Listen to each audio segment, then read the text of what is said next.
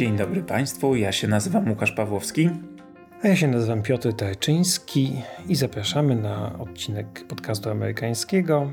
Ale zanim zaczniemy, to niech Państwo spojrzą na zegarki. Jeżeli jest e, przed 11 listopada, przed godziną 11, jesteście Państwo we Wrocławiu, to jeszcze zdążycie na spotkanie z podcastem amerykańskim. Jesteśmy w, na American Film Festival we Wrocławiu. Spotkanie z nami o godzinie 11 w sali numer 6 chyba. Po naszym spotkaniu będziemy prowadzić rozmowę z reżyserem filmu Against All Enemies, Charliem Sadoffem. Też zapraszamy. Mówiliśmy o tym filmie w ostatnim odcinku podcastu amerykańskiego poświęconym, poświęconemu właśnie filmom, które można zobaczyć na American Film Festival. A wieczorem tego samego dnia, też 11 o godzinie 19 w klubie Proza y, we Wrocławiu, we Wrocławskim Domu Literatury, będzie spotkanie ze mną na temat y, rozkładu, które poprowadzi Michał Nogaś w ramach cyklu Czytanie Ameryki. Czyli Dzień Niepodległości możecie Państwo spędzić z podcastem amerykańskim praktycznie od rana do wieczora. Zachęcamy do takiej czynności. My tak właśnie będziemy spędzać Święto Niepodległości. No nie wiem, bo e, wieczorem w, w hali e, stulecia jest koncert T-Lab, więc ja nie wiem, czy pójdę na twoje spotkanie. O, no widzicie Państwo, takie to wesołe są stosunki w podcaście amerykańskim. Ja lubię T-Lab. Temat y, i podziękowania. Podziękowania zechcą przyjąć Tomasz, Agnieszka, Hanna, Miłosz, Kamila, Mikołaj i Michał. Bardzo Państwu dziękujemy za wspieranie nas w serwisie Patronite. To dzięki Wam powstają te odcinki, to dzięki Wam możemy sobie pozwolić na to, żeby siedzieć o godzinie 16 e, w piątek w pokoju hotelowym i nagrywać odcinek o sytuacji międzynarodowej i roli Stanów Zjednoczonych i o tym, jak sytuacja międzynarodowa w e, Palestynie wpływa na politykę wewnętrzną Stanów Zjednoczonych. Na początek musimy wyraźnie coś zaznaczyć, bo jak to zawsze bywa, kiedy pojawia się jakaś głośna sprawa, to e, mamy wysyp ekspertów od e, danego tematu. My jednoznacznie zaznaczamy, że nie jesteśmy ekspertami od Bliskiego Wschodu i nie będziemy Państwu mówić o historii e, Izraela i Palestyny i wymieniać się argumentami, jeżeli chodzi o rację w tym konflikcie, tego staramy się uniknąć. My chcemy Państwu opowiedzieć, jak ten konflikt wpływa na amerykańską politykę, jak dzieli jedną z partii, a łączy drugą e, i jak inne wydarzenia na scenie e, międzynarodowej wpływają na scenę amerykańską. Bo na tym się znamy. No to zacznijmy od tego, co Łukasz lubi najbardziej, czyli od sondaży. Nie tak dawno, kilka dni temu, pojawiły się sondaże e, zamówione przez dziennik New York Times, które wywołały burzliwą dyskusję. Wspominaliśmy o nich w naszym tętnie pulsu. Sondaże pokazujące, że prezydent Biden e, w starciu z Donaldem Trumpem dziś przegrałby w tych kilku bardzo ważnych e, stanach i praktycznie, e, gdyby tak się stało, no to nie ma szans na obronę e, prezydentury. Te stany to Nevada, Georgia, Arizona, Michigan i Pensylwania. W każdym z nich Biden przegrywa różnicą od 10 punktów procentowych w Nevadzie do 4 punktów procentowych w Pensylwanii. E, jedynym takim stanem bitewnym e, zbadanym przez New York Times, w którym e, Biden wygrywa, jest Wisconsin, ale tu jego przewaga jest minimalna, bo wynosi tylko 2 punkty procentowe. No i oczywiście zaczęła się dyskusja, czym to jest spowodowane, czy to jest siła Trumpa. Tu możemy powiedzieć, że niekoniecznie. Bo nie, no to... w ogóle nie jest siła no Trumpa, właśnie. bo jak zadano pytanie o to, czy jakiś generic democrat, czyli po prostu nienazwany, nieimienny demokrata lub demokratka yy, by wystartował, to okazuje się, że ten ktoś bije Trumpa w tych wszystkich kluczowych stanach. Tylko oczywiście znowu teoria sobie, praktyka sobie. Ten nienazwany jakiś demokrata lub jakaś demokratka, kiedy natychmiast, yy, w momencie, w którym przybrałoby ta, ten byt jakąś postać, to natychmiast te sondaże, w tych sondażach by spadł lub spadła, ponieważ okazałoby się, że komuś nie pasuje to, komuś nie pasuje tamto, więc jakby ten Nigdy tak nie jest, że w wyborach startuje generic Democrat albo generic Republican. Ale faktem jest, że te sondaże pokazują, że problem jest raczej nie z demokratami, tylko z Bidenem, o czym też świadczą wyniki wyborów tych ostatnich, o których opowiadaliśmy w Tętnie Pulsu, gdzie faktycznie demokratom, mimo tych fatalnych sondaży Bidena, poszło naprawdę nieźle. O tym, że problemem jest Biden, a dokładnie jego wiek, no bo nie oszukujmy się, to jest główny problem, który zgłaszają e, wyborcy, a więc, że to kwestia Bidena, a nie popularności Trumpa, świadczy też to, że inni kandydaci partii republikańskiej, którzy oczywiście nie mają wielkich szans na zdobycie nominacji, ale powiedzmy, że mogliby wystartować przeciwko Bidenowi, na przykład Nikki Haley, wypadają w tych sondażach lepiej niż e, Donald Trump. A więc mamy do czynienia z, jak Państwu już mówiliśmy, z sytuacją, w której najprawdopodobniej w wyborach wystartuje dwóch panów, których nie chcą e, zobaczyć w tych wyborach e, Amerykanie. No właśnie, nie wiem, czy dwóch panów. Moim zdaniem wystartuje co najmniej trzech panów, albo raczej czterech panów i jeszcze jedna pani, dlatego że na pewno wystartuje Robert Kennedy, y, który jak go uwzględniać w sondażach, to nagle te sondaże zaczynają wyglądać inaczej. Na przykład był sondaż Quinnipiac, w którym kiedy startuje Kennedy, no to Biden ma 39, Trump 36, a Kennedy 22. Świetny wynik jak na kandydata trzeciej Choć partii. pewnie nie przełoży się na głosy elektorskie. Jasne, no ale to pokazuje, że on bardziej odbiera Trumpowi niż Bidenowi. Jednak.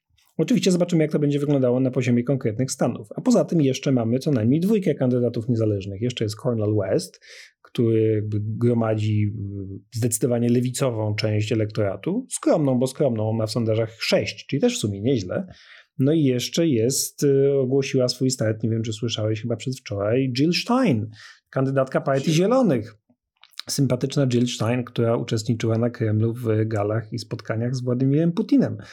Też chce rozbić ten y, duopol partyjny. W związku z tym kandydatów będzie więcej niż zazwyczaj. Może być jeszcze jeden kandydat y, wskazany przez taką mm, organizację, która szuka jakiegoś bezpartyjnego centrysty, który pogodzi te dwie zwaśnione strony. I tu jest już kto? Jest kto, bo proszę Państwa, o fotel senatora nie będzie się już ubiegał nasz ukochany senator Joe Manchin. I pojawiły się plotki, że w związku z tym może e, spróbuje e, wystartować i dobrze, bo młodych nam trzeba. Joe Manchin ma lat 76, więc w tym gronie to rzeczywiście będzie podlotek. Tak. No ale dobra, czyli wiemy, że w sondażach nie jest dobrze, że problemem jest Biden i jego wiek, ale oczywiście teraz pojawił się drugi bardzo poważny problem dla Joe'ego Bidena, mianowicie sytuacja na Bliskim Wschodzie. I wrócimy do tych sondaży, żeby wyjaśnić Państwu, dlaczego od nich zaczęliśmy i jak sytuacja międzynarodowa z tymi sondażami dla New York Timesa e, jest e, związana. No więc e, jak ty... wygląda sytuacja międzynarodowa? Państwo wiecie, czytacie gazety, oglądacie wiadomości, śledzicie internet i jakby tu już w ogóle jest problem na poziomie języka, o którym się o tym tak mówi. Jest. I y, jak powiemy konflikt izraelsko-palestyński, to na pewno się to komuś nie spodoba. Jak powiemy wojna Izraela z Hamasem, to nie spodoba się to innym. Y, nie chcemy tutaj wchodzić w relacjonowanie tego, co dzieje się w, w Palestynie i w Izraelu od 7 października kiedy nastąpił ten atak Hamasu, w którym zginęło ponad 1400 y, Izraelczyków, 200 się do niewoli. No w odpowiedzi bombardowania strefy gazy i teraz inwazja lądowa. To wszyscy wiemy. Inwazja lądowa, która pochłonęła tysiące ofiar, y, tyle wiadomo. 10 tysięcy według Ministerstwa Zdrowia Gazy. To kwestionują niektóre źródła, ale nawet amerykańskie źródła mówią, że te ofiary idą w tysiące. I to podsumowanie to jest tyle, na ile jesteśmy w stanie jakby Mam nadzieję, że nikt nie będzie miał za złe do tego podsumowania.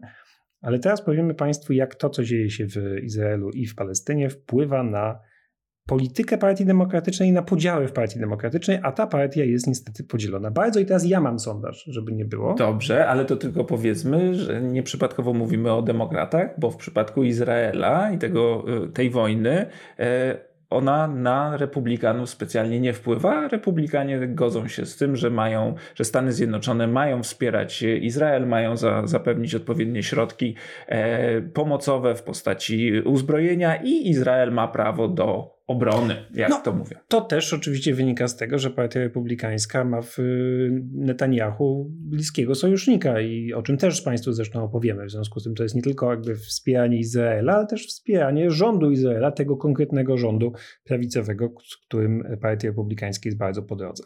A w Partii Demokratycznej no podział. Sondaż Associated Press 50% demokratów aprobuje działania Bidena w sprawie y, palestyńsko-izraelskiej, 46% nie aprobuje.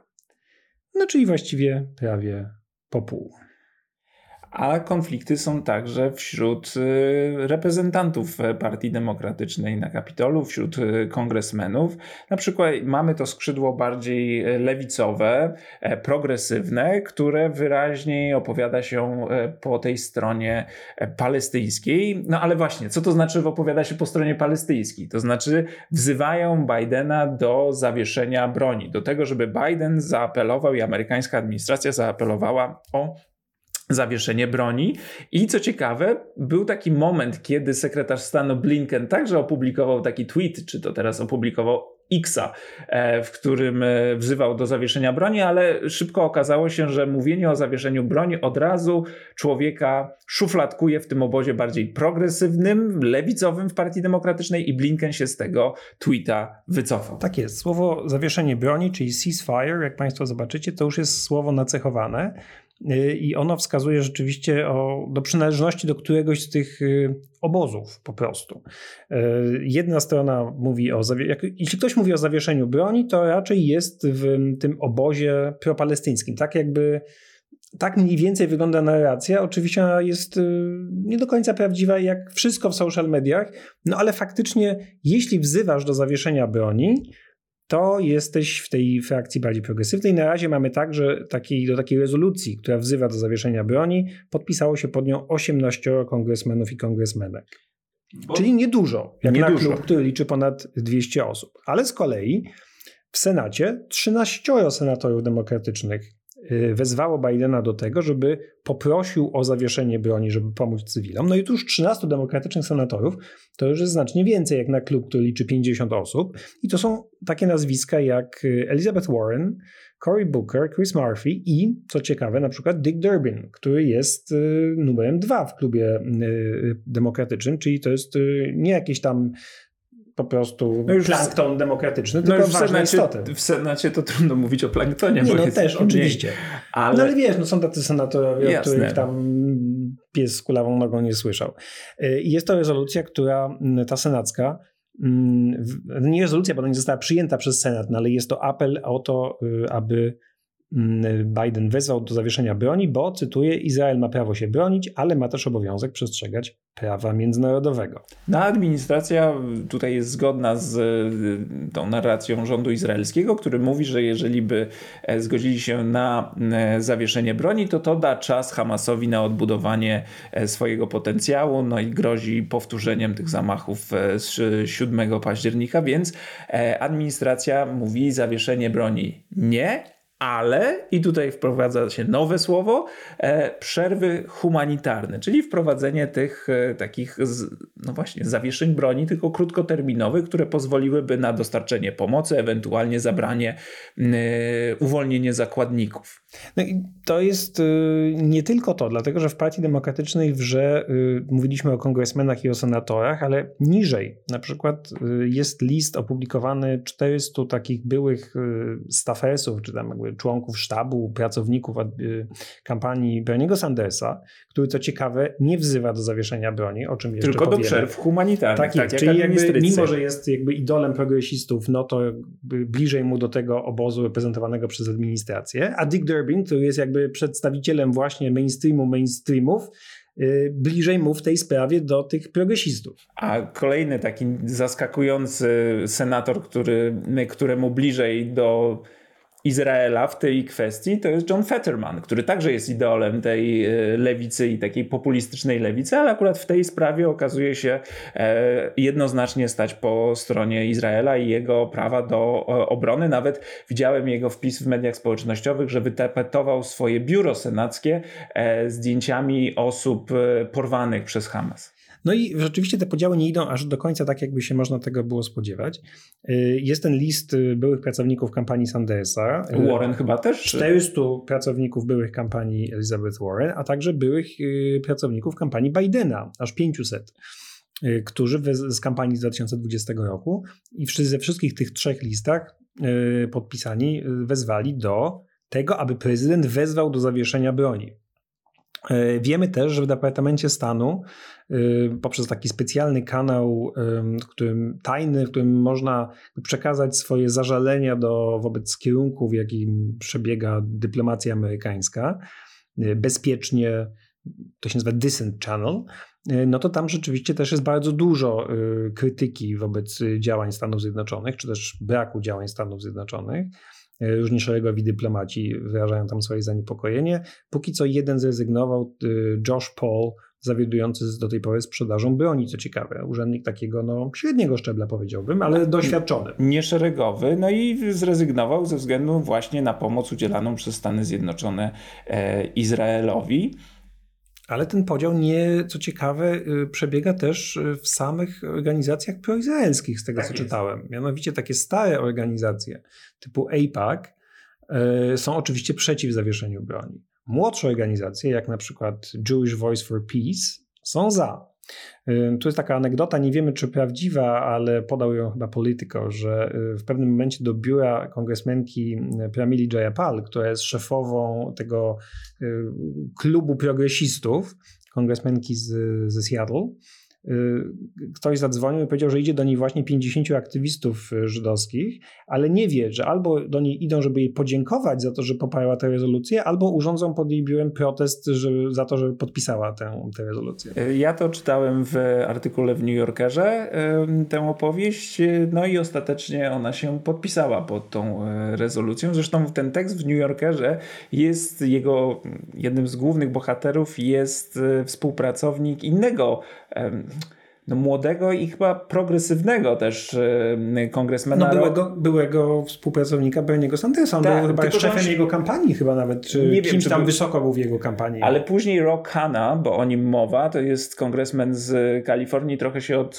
Sandersa oddalił, chyba przesunął troszeczkę w kierunku centrum. Pewnie ma ambicje, tak się mówi, też e, wykraczające poza kongres i poza jego stan. E, no i to jest opowieść z perspektywy właśnie takiego pracownika sztabu Rock Hanna i y, okazuje się, że kongresmen także miał bardzo poważne kłopoty, jak nawigować pomiędzy e, oczekiwaniami tego progresywnego elektoratu, który chciałby, żeby potępić działania Izraela albo przynajmniej właśnie wezwać do e, pokoju, do zawieszenia broni. Tu zdecydowanie raczej nie mówimy o potępieniu działań Izraela, tylko faktycznie chodzi o to, o, o wezwanie do zawieszenia. To znaczy, to nawet, nawet te osoby, w których te rezolucje wzywające do zawieszenia, ta progresywna rezolucja progresistów, no to tam zawsze padają takie słowa, że Izrael ma prawo się bronić i generalnie 7 października jakby jest wspomniany. By tutaj nie masz w partii demokratycznej, w partii demokratycznej, co nie znaczy, że nie na amerykańskiej lewicy, nie masz takich głosów, które pomijają ten aspekt jakby rozumienia w jakimś stopniu stanowiska Izraelczyków. No to zaraz jeszcze dojdziemy do tego, co mówi Rashida Tlaib, czyli jedyna palestynka, znaczy Amerykanka palestyńskiego pochodzenia w, w kongresie, ale tutaj e, w tym tekście w New Yorkerze jest opowieść o tym, jak ten Kana próbuje lawirować właśnie pomiędzy oczekiwaniami tej strony progresywnej, a no takim chęcią do tego, żeby się nikomu nie narazić, no bo jeżeli masz ambicje mm, wykraczające poza mm, kongres, albo nawet jeżeli są to tylko ambicje pozostania w kongresie, to akurat ten konflikt w partii demokratycznej może cię e, drogo kosztować. No i to jest opowieść o tym, jak ten pracownik po zaledwie kilku dniach współpracy rezygnuje, bo nie może wy, wymóc na swoim kongresmenie e, przyłączenia się do tej rezolucji wzywającej do zawieszenia broni. I jest tam taka opowieść, wydaje mi się, że, że, że prawdziwa, że tak naprawdę jest to brutalnie powiedziane, że tak naprawdę nikogo to nie obchodzi, co się dzieje w Palestynie. Oni najchętniej by w ogóle o tym nie myśleli. To znaczy, nie tyle, że nie obchodzi, tylko znaczy, nie, chcą, nie, nie, chcą, nie, nie, chcą się na ten temat wypowiadać. Jeśli mogliby, to w ogóle by na ten temat milczeli. Tak jest. Co ja nie mogę powiedzieć, że tego nie rozumiem. Jakby z, z, na przykład Bo jako podcast amerykański bardzo nie chciałem mówić o, o, o tym, co się dzieje w Palestynie i Izraelu i o tym konflikcie, właśnie dlatego, że komuś się narazimy tym odcinkiem. Znaczy, staramy się powiedzieć y, nie o tym, co tam się dzieje na Bliskim Wschodzie, tylko o tym, co dzieje się w Stanach, ale jestem przekonany, że i tak pojawią się głosy, że nie powiedzieliśmy o tym, nie powiedzieliśmy o tamtym, że. Tutaj jest doskonały przykład tego, co wydarzyło się z, z Elizabeth Warren. Elizabeth Warren, która, jak powiedzieliśmy, wezwała do, podpisuje się pod wezwaniem do zawieszenia broni, mm, napisała na Twitterze jednego dnia coś o y, ofiarach izraelskich, y, ale takiego ogólnego, znaczy, że zabijanie ludzi jest złe, ale było to jakby, akurat dotyczyło głównie ofiar izraelskich, no to pod spodem zaczęło się oczywiście, że jest zdrajczynią, że jest, że nienawidzi Palestyńczyków i tak dalej, i tak dalej. A jak następnego dnia, czy kilka dni później naprawdę napisała coś o ofiarach palestyńskich i o tym, że Izrael musi przestrzegać prawa międzynarodowego, to się dowiedziała, że jest antysemitką yy, i tak dalej, i tak dalej. Jakby rzeczywiście nie da się tego... Yy, social media oczywiście są fatalnym... Yy, chciałem powiedzieć medium, ale to polem do tego, żeby w ogóle omawiać jakieś skomplikowane tematy, e, ale faktycznie no jest to potwornie toksyczne. No to ja powiem to brutalniej, to znaczy ja jednak zostaję przy tym, co powiedziałem. Mam wrażenie, że wielu kongresmenów nie chciałoby się o tym wypowiadać, nie dlatego, że im nie szkoda ofiar albo nie, nie mają jakiegoś zdania, tylko dlatego właśnie, że to jest toksyczne i oni nie chcą o tym mówić, bo to nie jest w ich interesie e, politycznym i nie obchodzi ich ten konflikt. To znaczy w tym sensie, że że nie chcą być w niego wciągani, bo mają inne ważniejsze dla siebie, bliższe sobie i swojemu elektoratowi sprawy. E, I, I tak to jest opisane w tym, e, przynajmniej ja to tak zrozumiałem w tym artykule w New Yorkerze, że mogą na tym włączeniu się w ten konflikt tylko politycznie stracić, niezależnie od tego, jak ostrożni będą, e, to nawet jeżeli nie, nie sparzą się, to nie mogą się w tej chwili zajmować rzeczami, które są dla nich ważne, bo ten konflikt wysysa całe powietrze z amerykańskiej debaty publicznej. Tak, no i też widzą, co się dzieje na przykład na kampusach uniwersyteckich, mm. dlatego że protesty y, no, propalestyńskie i proizraelskie mm, odbywają się na różnych kampusach. Y, tutaj z jednej strony są rozwieszane zdjęcia tych porwanych Izraelczyków. Wtedy ktoś, ci drudzy je zrywają. Są ataki fizyczne, jest rysowanie swastyk, ale są też ataki na studentki w hijabach na przykład. Są groźby śmierci wobec Palestyńczyków. Ostatnio na kampusie Cornella aresztowano studenta, który groził wystrzelaniem wszystkich Żydów, ale równocześnie oczywiście na każdy taki przypadek można znaleźć drugi przypadek. Jakby na każdy atak jakiś antyizraelski jest atak antypalestyński. Y, dochodzi do starć fizycznych, E, na kampusie Kolumbii, Uniwersytetu Columbia w Nowym Jorku doszło do, no, do, do fizycznych po prostu bujek, w związku z tym zamknięto go dla e, szerokiej publiki i różne inne uniwersytety mają podobne problemy. Ale przecież nie tylko na kampusach. Ostatnio w Los Angeles e, to ze wszystkich miejsc pod Muzeum Tolerancji doszło do bujek po tym, jak wyświetlano film, na którym pokazywano te nagrania z ataku Hamasu z 7 października, te nagrania, których sam Hamas e, zrobił, no i one zostały zebrane przez izraelskie siły, zmontowane i w takiej e, surowej formie wyświetlone w tym kinie i kiedy ludzie, którzy byli zaproszeni i oglądali ten, ten materiał wyszli, no to na nich czekała już kontrdemonstracja, też doszło tam do, do starć fizycznych. Na no, niedawno był jeszcze przypadek, że podczas takich starć demonstrantów i kontrdemonstrantów e, zginął jeden z, z e, protestujących po tym, jak został popchnięty i e, no i uderzył się w głowę. Faktem jest, że po 7 października y, ataki motywowane nienawiścią, czy to y, islamofobiczną, czy antysemicką, eksplodowały. Y, Były chociażby takie dwa głośne przypadki. W Illinois zasztyletowano sześciolatka, muzułmanina, a z kolei w Detroit zasztyletowano starszą synagogi jakby no rzeczywiście dochodzi do y, ataków przemocy, co jest mierzalne. Y, administracja Bidena ogłosiła, że pracuje nad y, planem budowy strategii walki z islamofobią. Wcześniej już ogłosiła strategię walki z antysemityzmem. No, na czele tej grupy powołano osobę od zadań niemożliwych, czyli oczywiście wiceprezydentkę Kamala Harris, której doszedł po prostu kolejna rzecz, której nie jest w stanie zrobić której nie da się. E, o której mąż jest pochodzenia żydowskiego i on też mówił o tym wzroście antysemityzmu w jednym z wywiadów. No więc e, jest to sprawa rzeczywiście toksyczna e, i ale niestety administracja musi się jakoś w tej kwestii wypowiadać. Znaczy, poszczególni senatorowie mogą nie podpisywać żadnych rezolucji czy kongresmeni, ale od Białego Domu niestety trzeba oczekiwać jakiejś reakcji. No i póki co administracja Bidena właśnie sprzeciwia się E, zawieszeniu broni, o co zresztą Biden został ostatnio zapytany na takim e, wiecu w Minneapolis. Mm, został wręcz wezwany do tego, żeby zażądał zawieszenia broni od Netanyahu. No i wtedy Biden powiedział, że popiera nie zawieszenie broni, ale wstrzymanie względów humanitarnych. Czyli jakby, jakby potwierdził tę, powiedzmy, doktrynę obowiązującą. I do takiego e, wstrzymania, powiedzmy, doszło.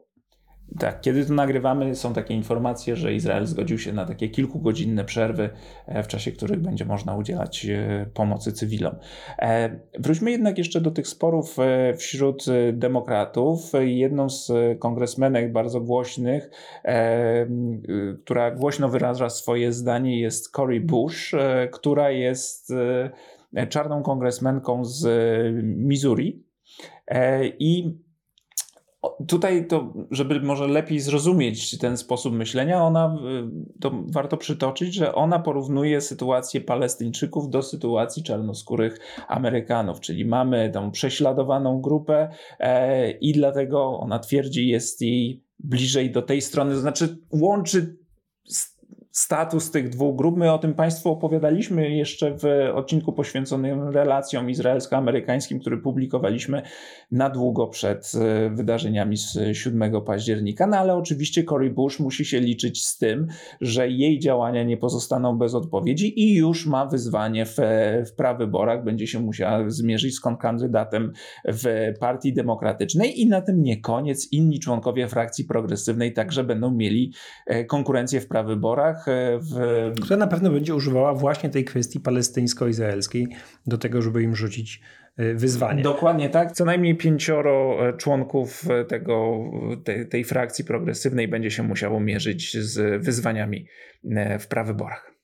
No bo rzeczywiście jest tak, że młoda lewica widzi w Izraelu przede wszystkim państwo kolonialne. Taka jest narracja. Nie ostoje demokracji na Bliskim Wschodzie, tak jak widziała to amerykańska lewica kiedyś, tylko właśnie państwo kolonialne. No też dlatego, że y, o czym mówiliśmy w odcinku poświęconym sprawom izraelsko-amerykańskim jakiś czas temu, no demokracja w Izraelu wygląda tak, jak wygląda. To znaczy, z ich punktu widzenia, z punktu widzenia młodych demokratów, jest premier, skorumpowany premier przestępca Netanyahu, któremu bliżej jest do Trumpa, czy to ma powiedziane bliżej do Trumpa, znaczy to jest gość, który wręcz wprost popierał Trumpa i jest takim Trumpem bliskowschodnim. W związku z tym jakby młoda amerykańska lewica, czy młodsza, nie rozumie, dlaczego ma wspierać skrajnie prawicowy rząd, Y, który dokonuje zamachów na wolność sądów na przykład, który nazywa Palestyńczyków zwierzętami. To jest jakby ostatnia jakiś y, wypowiedź jednego z ministrów w rządzie Netanyahu. I generalnie to jest trochę tak, że partia demokratyczna poszła w lewo, a polityka izraelska poszła w prawo. No jakby ten rozjazd między,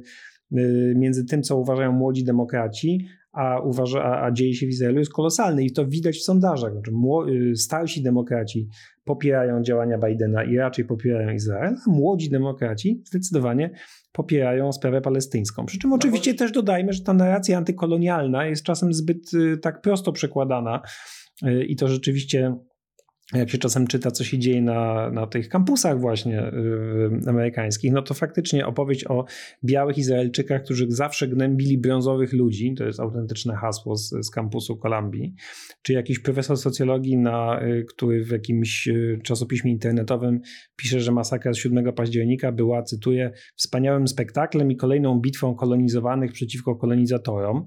Y, o co oczywiście na to już natychmiast powstał list domagający się go relegowania z uczelni i tak dalej. Mm, I w lewicowych różnych czasopisemkach internetowych jest mowa o tym, że to jest dekolonizacja, nie jest żadną metaforą, w związku z tym nie ma co, cytuję, moralizować z powodu cywilów.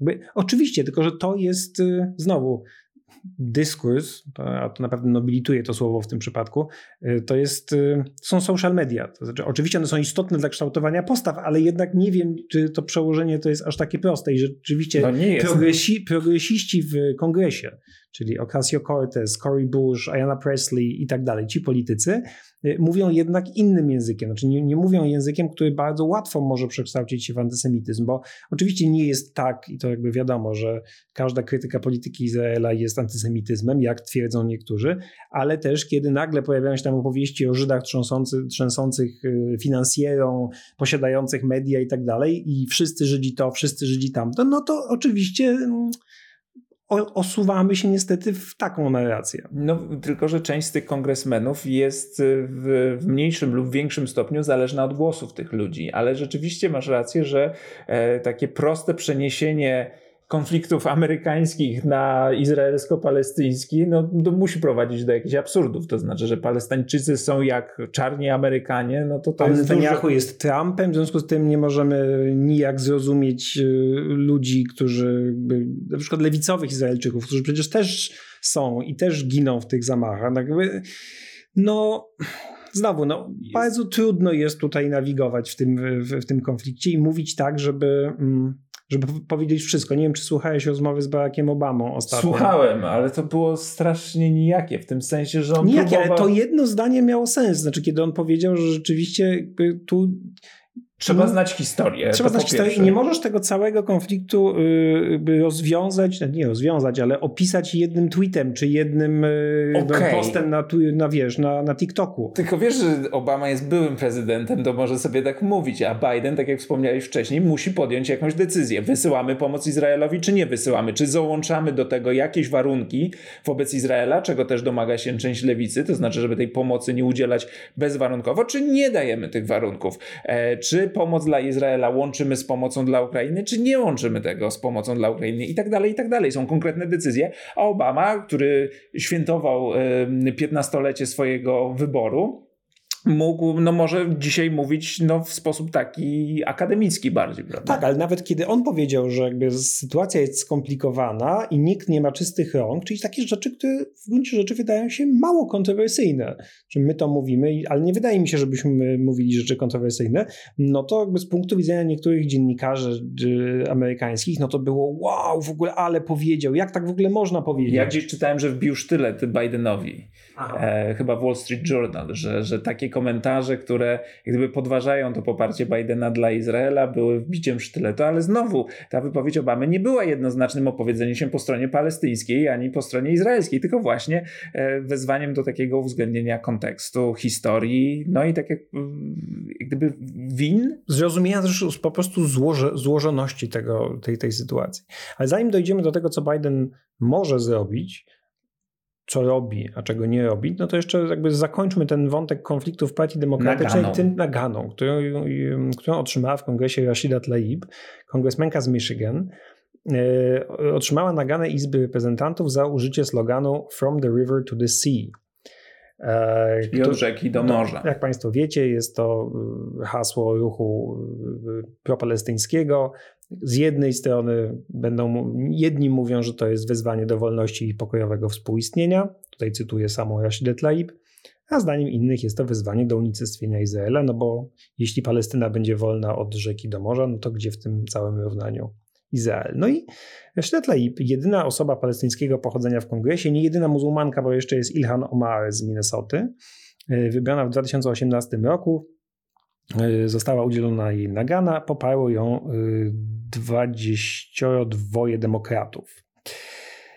I wszyscy republikanie. I wszyscy Prawie, prawie, przepraszam. Chyba był jeden republikanin, który zagłosował przeciwko i być może ktoś, kto się wstrzymał od głosu, no ale praktycznie cały klub republikański. No i faktycznie trudno nie zauważyć tutaj pewnej nie wiem czy ironia to jest dobre słowo, ale jakiejś niestosowności sytuacji, w której jakby jedyne co z kongres jest siebie w stanie wydać tak konkretnie, to jest nagana wobec jednej palestyńskiej kongresmenki, e, bo nie ma zgody co do tego, jakby jaką, za czym zagłosować, za czym innym. Słuszna też jest uwaga, wydaje mi się, Aleksandry Ocasio-Cortez, że jakoś nikt nie udziela równocześnie nagany na przykład kongresmenowi republikańskiemu Maxowi Millerowi, który mówi, że Palestynę należy zrównać z ziemią i zamienić w wielki parking. Znaczy to na przykład nie spotkało się z żadną reakcją Izby Reprezentantów. No ale bo też dodajmy, bo Państwo może sobie tak słuchają, no Nagana, no o, czym my tu rozmawiamy. To jest jednak rzadkie, bardzo rzadkie. To dostała Marjorie Taylor Greene za coś tam. Ale w przyszłości to było stosowane to naprawdę w wyjątkowych raz sytuacjach. na kilka lat to się zdarza. Ostatnio częściej, ale to nie jest tak, że Nagany w Izbie Reprezentantów lecą po prostu taśmowo. Więc jest to dość wyjątkowa sytuacja. Ona nie ma praktycznych konsekwencji. No mogliby ją pewnie zabrać z jakiejś komisji na przykład. No ale to już y, nie są kwestie klubowe, prawda? To, to już Partia Demokratyczna miała, musiałaby o tym de decydować. Natomiast no, no nie jest to byle co. byle co. To nie jest codzienność, nawet jeżeli ma wymiar bardziej symboliczny niż praktyczny. No to jeszcze może, skoro już mówimy o Rashidzie Tlaib z Michigan, powiedzmy o y, muzułmanach w Michigan, bo to też jest istotne. E, ona reprezentuje Detroit, jeden z okręgów w mieście Detroit, e, a o czym Państwo może nie wiecie, mm, są takie stany, w których rzeczywiście muzułmanów jest y, procentowo dość dużo. Y, najwięcej jest w Illinois, w Nowym Jorku i w New Jersey, ale to są bezpieczne dla demokratów stany. Tak? To znaczy tam bez głosów muzułmańskich demokraci wygrywają w cuglach, doskonale to wiemy. Ale są takie stany i tutaj właśnie Michigan i Minnesota są tymi dwoma stanami, gdzie muzułmanie stanowią istotną mniejszość, powyżej 2% mieszkańców i rzeczywiście od ich głosów może zależeć to, w którą stronę dany stan pójdzie, czy republikańską, czy demokratyczną. Na przykład w Dearborn, to jest takie miasto na przedmieściach Detroit, część aglomeracji Detroit, gdzie jest siedziba główna Forda. Miasto kiedyś y, z dużą polską diasporą, Dzisiaj tam jest połowa, ponad połowa ludności jest z Bliskiego Wschodu. Burmistrzem jest muzułmanin, no jest bardzo dużo muzułmanów. No, w, ja czytałem w serwisie Axios, że w ogóle Michigan ma największą e, populację Amerykanów arabskiego pochodzenia. W liczbach bezwzględnych, tak. tak. E, ale y, no i to wsparcie jest kluczowe, dlatego że to między innymi, można powiedzieć, dzięki nim Biden wygrał w 2020 roku. E, w Michigan jest 200 czy nawet 300 tysięcy y, muzułmanów, z czego w 2020 roku zagłosowało ich 150 tysięcy, a Biden wygrał Michigan o 155 tysięcy. No czyli faktycznie, a różnica w 2016 między Hillary Clinton a Trumpem wyniosła, nie wiem czy pamiętasz, 10 tysięcy. No więc jeśli znowu dojdzie do takiej powtórki, no to faktycznie głosy muzułmańskie mogą być kluczowe. I... Ale tam w Michigan jest też populacja Amerykanów żydowskiego pochodzenia, więc jak gdyby jak. Ale nie aż tak istotna tak, jak no, ale... muzułmanie w tym konkretnym stanie. Jasne, tylko w stanie, w którym masz tak bliskie wyniki, no to jeżeli stracisz jednych, pozyskując drugich, to i tak źle, i tak niedobrze. Ale z muzułmanami yy, i ich głosowaniem na demokratów rzeczywiście nie jest dobrze. Mm, o ile Biden w 2020 zdobył prawie 70% głosów muzułmańskich, a Trump zaledwie 17%, no to teraz sondaże pokazują, że to poparcie dla demokratów spadło dramatycznie. Według Arab American Institute wsparcie dla demokratów spadło wśród y, y, Amerykanów arabskiego pochodzenia z 60% do 17%.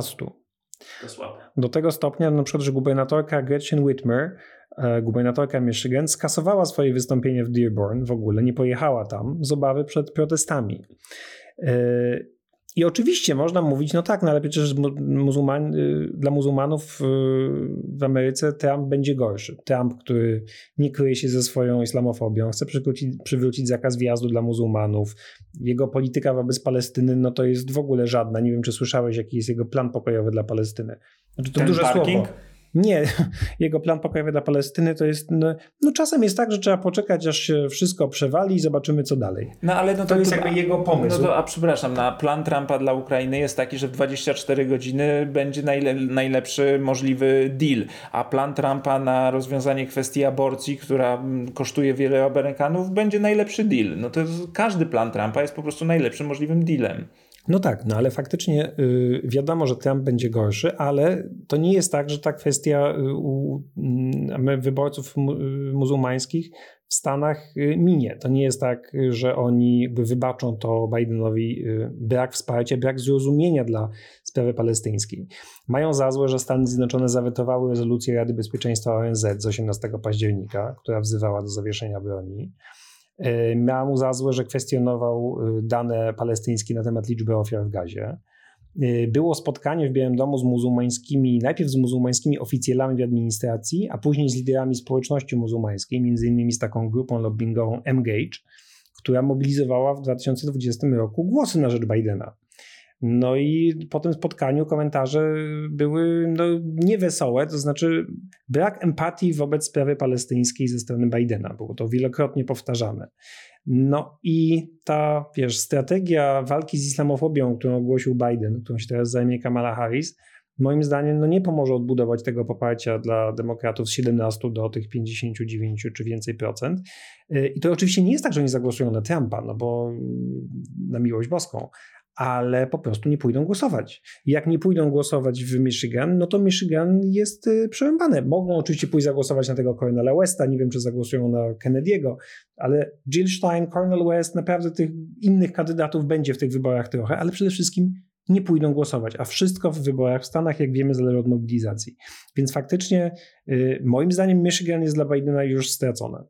No więc w ten sposób ładnie wracamy do tych e, sondaży, o których powiedzieliśmy Państwu e, na początku, ale problem Bidena to nie jest właśnie problem tylko e, wyborców muzułmańskich, czy, czy ten Arab Americans, czyli Amerykanów arabskiego pochodzenia. No bo przecież nie wszyscy też Arabowie są muzułmanami, są też Arabowie chrześcijanie na przykład. E, widać także spadki poparcia dla Izraela w ogóle wśród amerykańskich wyborców, ale szczególnie wyraźne są one wśród wyborców Partii Demokratycznej. Ja mam tutaj sondaże przeprowadzone przez Brookings Institution, taki think tank. E, przeprowadzono je 20-22 października, a następnie na początku listopada, czyli już po atakach, ale krótko w miarę po atakach e, Hamasu, no i teraz niedawno i spadki widać wyraźnie. Na przykład wśród demokratów na pytanie, czy Stany Zjednoczone powinny bardziej po stronie Izraela się opowiadać w tym izraelsko-palestyńskim palestyńskim konflikcie, e, w październiku tak mówiło prawie 31% demokratów. E, większość uważała, że nie powinny się Stany opowiadać po żadnej ze stron, ale 31% po stronie Izraela. Miesiąc, niecały miesiąc, e, dwa, trzy tygodnie później mówi tak już 20% e, demokratów. Te spadki widać także wśród wyborców niezależnych i wśród republikanów, ale nie są tak duże. Wśród republikanów nadal ogromna większość, ponad 60% jest za tym, żeby być bliżej Izraela. Natomiast spadki wśród młodych demokratów są kolosalne. To, to przede wszystkim zaczynamy z bardzo niskiego e, e, poziomu e, i tutaj przewaga jest zwolenników opowiadania się po stronie palestyńskiej. To znaczy, większość jest tych, którzy mówią, żeby po żadnej ze stron się nie opowiadać, ale jeżeli już po stronie izraelskiej czy palestyńskiej, to więcej jest za Palestyńczykami. W październiku 16% mówiło bliżej Palestyńczyków, 4, prawie 15% bliżej Izraela ale w, w listopadzie to już 23% bliżej Palestyńczyków chcemy być, a 16% bliżej Izraela. Więc to są naprawdę poważne problemy i e, w jeszcze jednym pytaniu... A znowu to samo. Ci młodzi, nawet jeśli nie zagłosują na Partię Republikańską, to nie, raczej nie zagłosują, to albo zagłosują na Jill Stein, albo na Cornela Westa, albo po prostu nie pójdą głosować. Bo uważają, że e, Biden jest zbyt proizraelski. To widać w, i w ogóle par elektoratu partii demokratycznej. 24% tak sądziło w e, październiku, 34% tak sądzi w listopadzie, że Biden jest zbyt e, proizraelski. No ale faktycznie jest tak, że Biden, strategia y, radzenia sobie z Netanyahu jest inna trochę u Bidena niż była u Baracka Obamy. Obama jednak częściej pozwalał sobie na, znaczy w ogóle niechęć Obamy do Netanyahu była doskonale znana i częściej pozwalał sobie na krytyczne y, oceny działań Izraela. Biden próbował trochę innej strategii, wydaje się, to znaczy.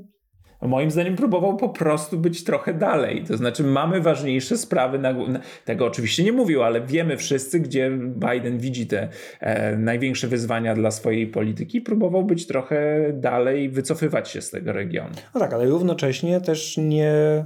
Mm, to też teraz widać. Znaczy, być dalej, ale bez nawet jakichś pomyłków niezadowolenia wobec działalności Netanyahu.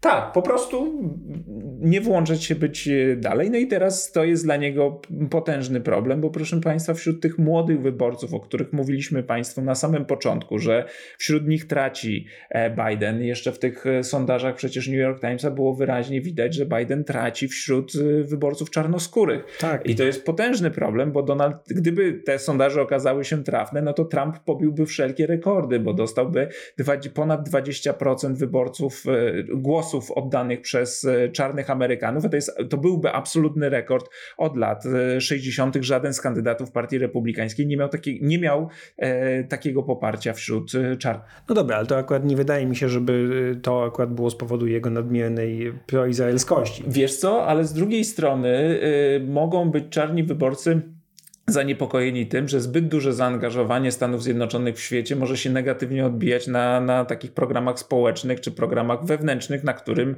na których im, za, im zależy. Więc tak, to... no i mogą po prostu być dość podatni na tę narrację, że oto y, Biden zajmuje się wszystkim, tylko nie Stanami Zjednoczonymi, tak bo nie dość, że wysyła pieniądze Ukrainie, to teraz jeszcze chce pomagać Izraelowi, a tutaj w Stanach dzieje się źle. No i tu chciałbym trochę porozmawiać o tym, y, co wydaje mi się z jednej strony zrozumiałą y, zrozumiałe taktycznie, ale błędne strategicznie. Czyli łączenie Ukrainy i Izraela. Sprawy izraelskiej i sprawy ukraińskiej. Co robi y, Biden? Y, Jake Sullivan, doradca bezpieczeństwa y, narodowego, doradca Bidena, mówił o tym, też mówi o tym wspólnie, tak? O ataku Rosji na Ukrainę i atak Hamasu na Izrael. No ale przede wszystkim jakby to zostało połączone zupełnie wymiernie. To znaczy w tym pakiecie pomocowym Biden zaproponował oto pakiet na 100 miliardów y, dla Ukrainy i Izraela razem. No i teraz tak, wiemy dlaczego on no to i tam zrobił. chyba jeszcze pomoc, y, znaczy wsparcie dla granicy, na granicę południową, prawda? To znaczy jakieś środki przeznaczone na zabezpieczenie granicy, żeby oczywiście przyciągnąć, żeby republikanie nie mogli zagłosować przeciw. Dokładnie tak. No, chodzi o to, że jakby jak połączysz sprawę Ukrainy i Izraela, no to partia republikańska, która popiera Izrael no matter what, będzie musiała zagłosować za tym, a zarazem wtedy poprą Ukrainę. No to jest zresztą taka często stosowana metoda w, w Stanach Zjednoczonych, jak masz tak duże podziały w każdej możliwej kwestii, no to piszesz e, ustawę, która ma tysiące stron, wrzucasz tam wszystko, tak żeby każdy znalazł tam coś dla siebie i za tą ustawą zagłosował. No i tutaj Ale jest... to są zbyt ważne sprawy, żeby można było je w ten sposób łączyć. No i... Po pierwsze, w odpowiedzi na te propozycje Bidena, nowy speaker Johnson od razu jakby zaproponował pakiet, to znaczy tylko 14 miliardów dla Izraela. Mało tego. A skąd te 14 miliardów weźmie? Wiem, z cięć dla y, służby podatkowej. Tak, czyli to jest, Biden przeznaczył dodatkowe środki na służbę podatkową po to, żeby była skuteczniejsza w ściąganiu podatków, no i w ten sposób chce poprawiać też kondycję budżetu. Taki jest tutaj argument, że oni inwestujemy w nich, ale oni ściągną z tych podatków więcej, więc to się zwróci wróci. No, republikanie mówią, damy pieniądze Izraelowi, ale utniemy e, urzędom skarbowym, no to dla demokratów jest nie do zaakceptowania. Tak, ale też nie jest do zaakceptowania dla na przykład Mitcha McConnella, który ten pakiet od razu odrzucił. Ale w związku z tym ja wiem, o co chodzi Bidenowi, kiedy on mówi połączę sprawę izraelską i ukraińską, musisz pomagać e, Izraelowi, bo to jest kolejna walka demokracji z, tak. z niedemokracją. No tylko, że e, to jest moim zdaniem retorycznie błąd, dlatego że coś tak to raczej zaszkodzi sprawie ukraińskiej niż pomoże sprawie izraelskiej. To znaczy po prostu część elektoratu demokratycznego, yy, która już, jakby jak mówimy, zwłaszcza tego młodego, która już widzi w Izraelu państwo kolonialne walczące z i najeźdźcę, czyli odpowiednika raczej Rosji niż Ukrainy, Y, kiedy spróbuje się te sprawy połączyć, to prędzej powiedzą, nie, to nie pomagajmy już tym, Ukrai tym Ukraińcom, bo ta Ukraina to też jest w gruncie rzeczy takie jakieś państwo kolonialne, zwłaszcza, że takie opowieści też masz w tym jakby tej antyukraińskiej opowieści na prawicy i na lewicy. No, że oto źli Ukraińcy gnębią tych Ugańczyków i Don, Don, Donbasjan i, i tak dalej, i tak dalej. To jest też kolonialne, imperialne państwo, oczywiście kompletna bzdura, ale naprawdę to tak się może wydarzyć i to jeszcze oczywiście się nie dzieje na poziomie reprezentantów, bo mówimy, że postawa polityków Partii Demokratycznej jest inna. Y, I, ale zobacz, co się stało u republikanów. To znaczy, wciąż masz establishment republikański, który jest proukraiński, ale wyborcy są już zupełnie gdzie indziej. I w pewnym momencie ten to dogoni, jakby ten establishment się zmieni i to samo będzie, obawiam się, z Ukrainą. Jeśli Biden będzie łączył sprawę ukraińską z izraelską, to znaczy ci, którzy nie chcą pomagać Izraelowi, bo uważają, że Izrael jest tutaj winny czy gorszy, y, dojrzeją do tego, że też nie należy pomagać y, Ukrainie z tego samego powodu i kiedy zmieni się establishment demokratyczny, to to już będzie też izolacjonistyczny establishment demokratyczny. Czyli chcesz powiedzieć, że Biden próbując łączyć stworzyć taką ustawę, która połączy republikanów i demokratów, to znaczy reprezentantów w kongresie. To rzeczywiście połączy, tylko ich połączy w sprzeciwie w, w izolacjonizmie i w sprzeciwie wobec pomagania w ogóle.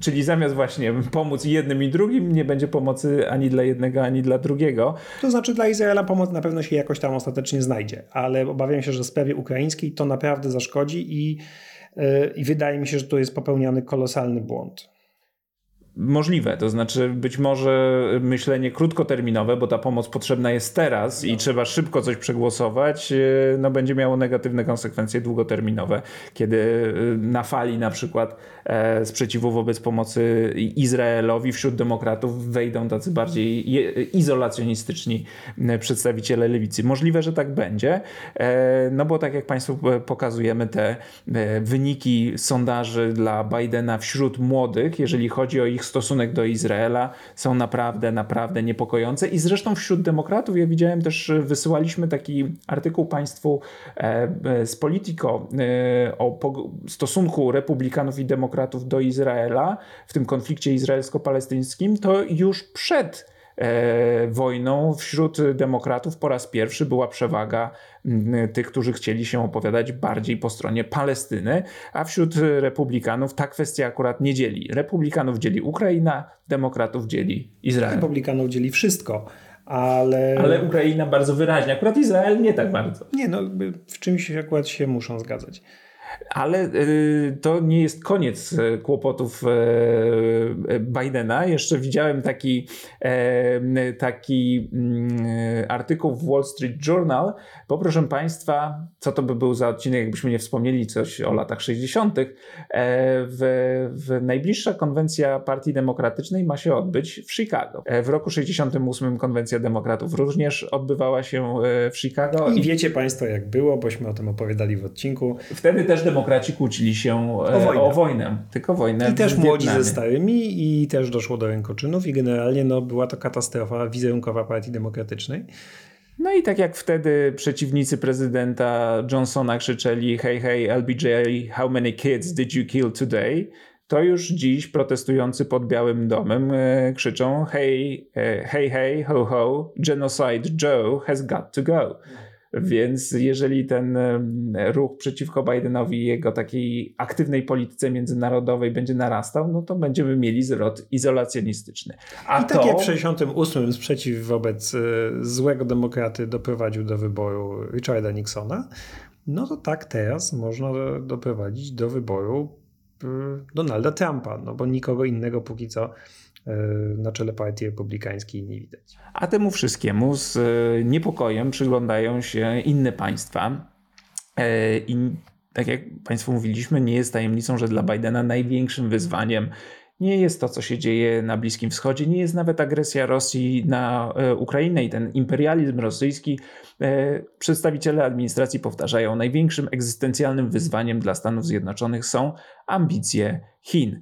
No tymczasem. E, Musi zajmować się Biden wszystkim innym. No i to wywołuje wielki niepokój e, w regionie, e, no bo Biden zaangażował, zainwestował bardzo dużo w odbudowywanie i unowocześnianie tych relacji sojuszniczych z państwami regionu. Przypominam, było spotkanie przedstawicieli Japonii i Korei w Camp David, porozumienia z Australią o dostarczaniu łodzi podwodnych o napędzie nuklearnym, angażowanie Indii wizyta stanowa e, premiera Modiego, e, wizyta państwowa. E, I nawet, proszę Państwa, przecież wojna w Ukrainie postrzegana jest przez pryzmat jej konsekwencji dla postawy Chin, bo pokonanie Putina ma pokazać, że atak na słabszego sąsiada, którego agresor uznaje za część swojego terytorium, kończy się tragicznie, upadkiem gospodarki, śmiercią żołnierzy, załamaniem wizerunku na świecie, no bo Stany Zjednoczone są nadal silne, nadal zdolne do tego, żeby ruszyć z pomocą i nadal zdolne do tworzenia koalicji. Więc wszystko y, działania Bidena na arenie międzynarodowej są podporządkowane temu jednemu celowi. Na tymczasem państwa sojusznicze Stanów Zjednoczonych w regionie zadają sobie ważne pytanie: czy Stany Zjednoczone są w stanie być zaangażowane i na Bliskim Wschodzie, i w Ukrainie, i wciąż e, stawiać się Chinom. Plus mając te wszystkie problemy wewnętrzne, o których opowiadamy.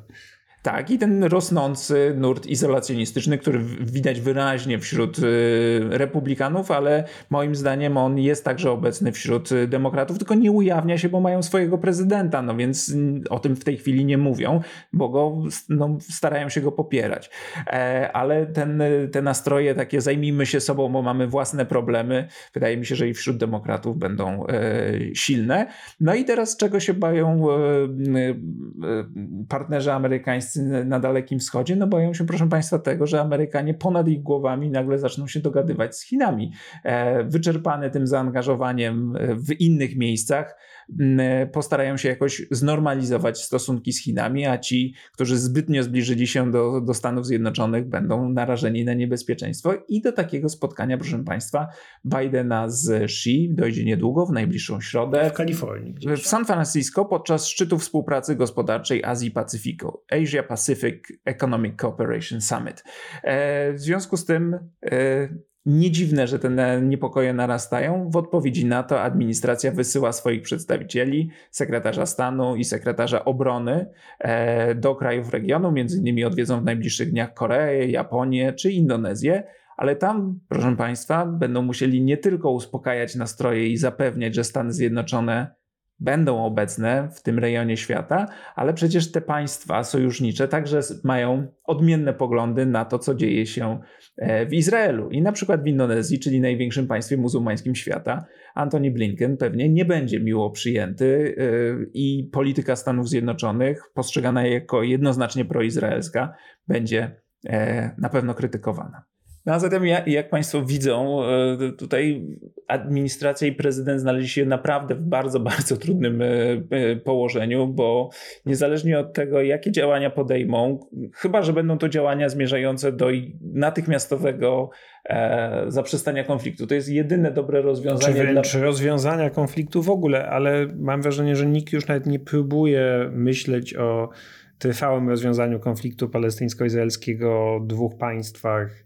By to już... Znaczy to e, jest powtarzane, ale chyba nikt nie, no, nie oficjalnie tak, ale nikt nic z tym nie robi już od bardzo, bardzo dawna. Więc e, im dłużej ten konflikt będzie trwał, im więcej będziemy mieli informacji na przykład o ofiarach po stronie palestyńskiej, tym większy spadek poparcia dla Izraela wśród demokratów, zwłaszcza tych młodych demokratów, tym większe ich zniechęcenie i tym poważniejsze problemy Bidena, bo o ile główną kwestią, o której wspominają wyborcy jest wiek prezydenta, no to jeżeli dostaną dodatkowy powód w postaci polityki zagranicznej, która im nie odpowiada, to tym bardziej się do wyborów nie pofatygują. A, yy, tak a jak... wybory prezydenckie, proszę Państwa, już za rok. I, I dokładnie za rok, ponieważ są 5 listopada, czyli nawet mniej niż za rok, a decyduje w nich e, frekwencja, dokładnie brak tej frekwencji, brak mobilizacji. Jeżeli jej nie będzie, no to demokraci mogą się z prezydenturą pożegnać i to wtedy będzie już nie tylko wina wieku, ale i e, polityki zagranicznej, która rzadko kiedy decyduje o wyborach, no chyba że jako ten czynnik negatywny. No a na dziś to wszystko. Dziękujemy Państwu bardzo. Zapraszamy na spotkania z nami na American Film Festival i do usłyszenia. Do usłyszenia.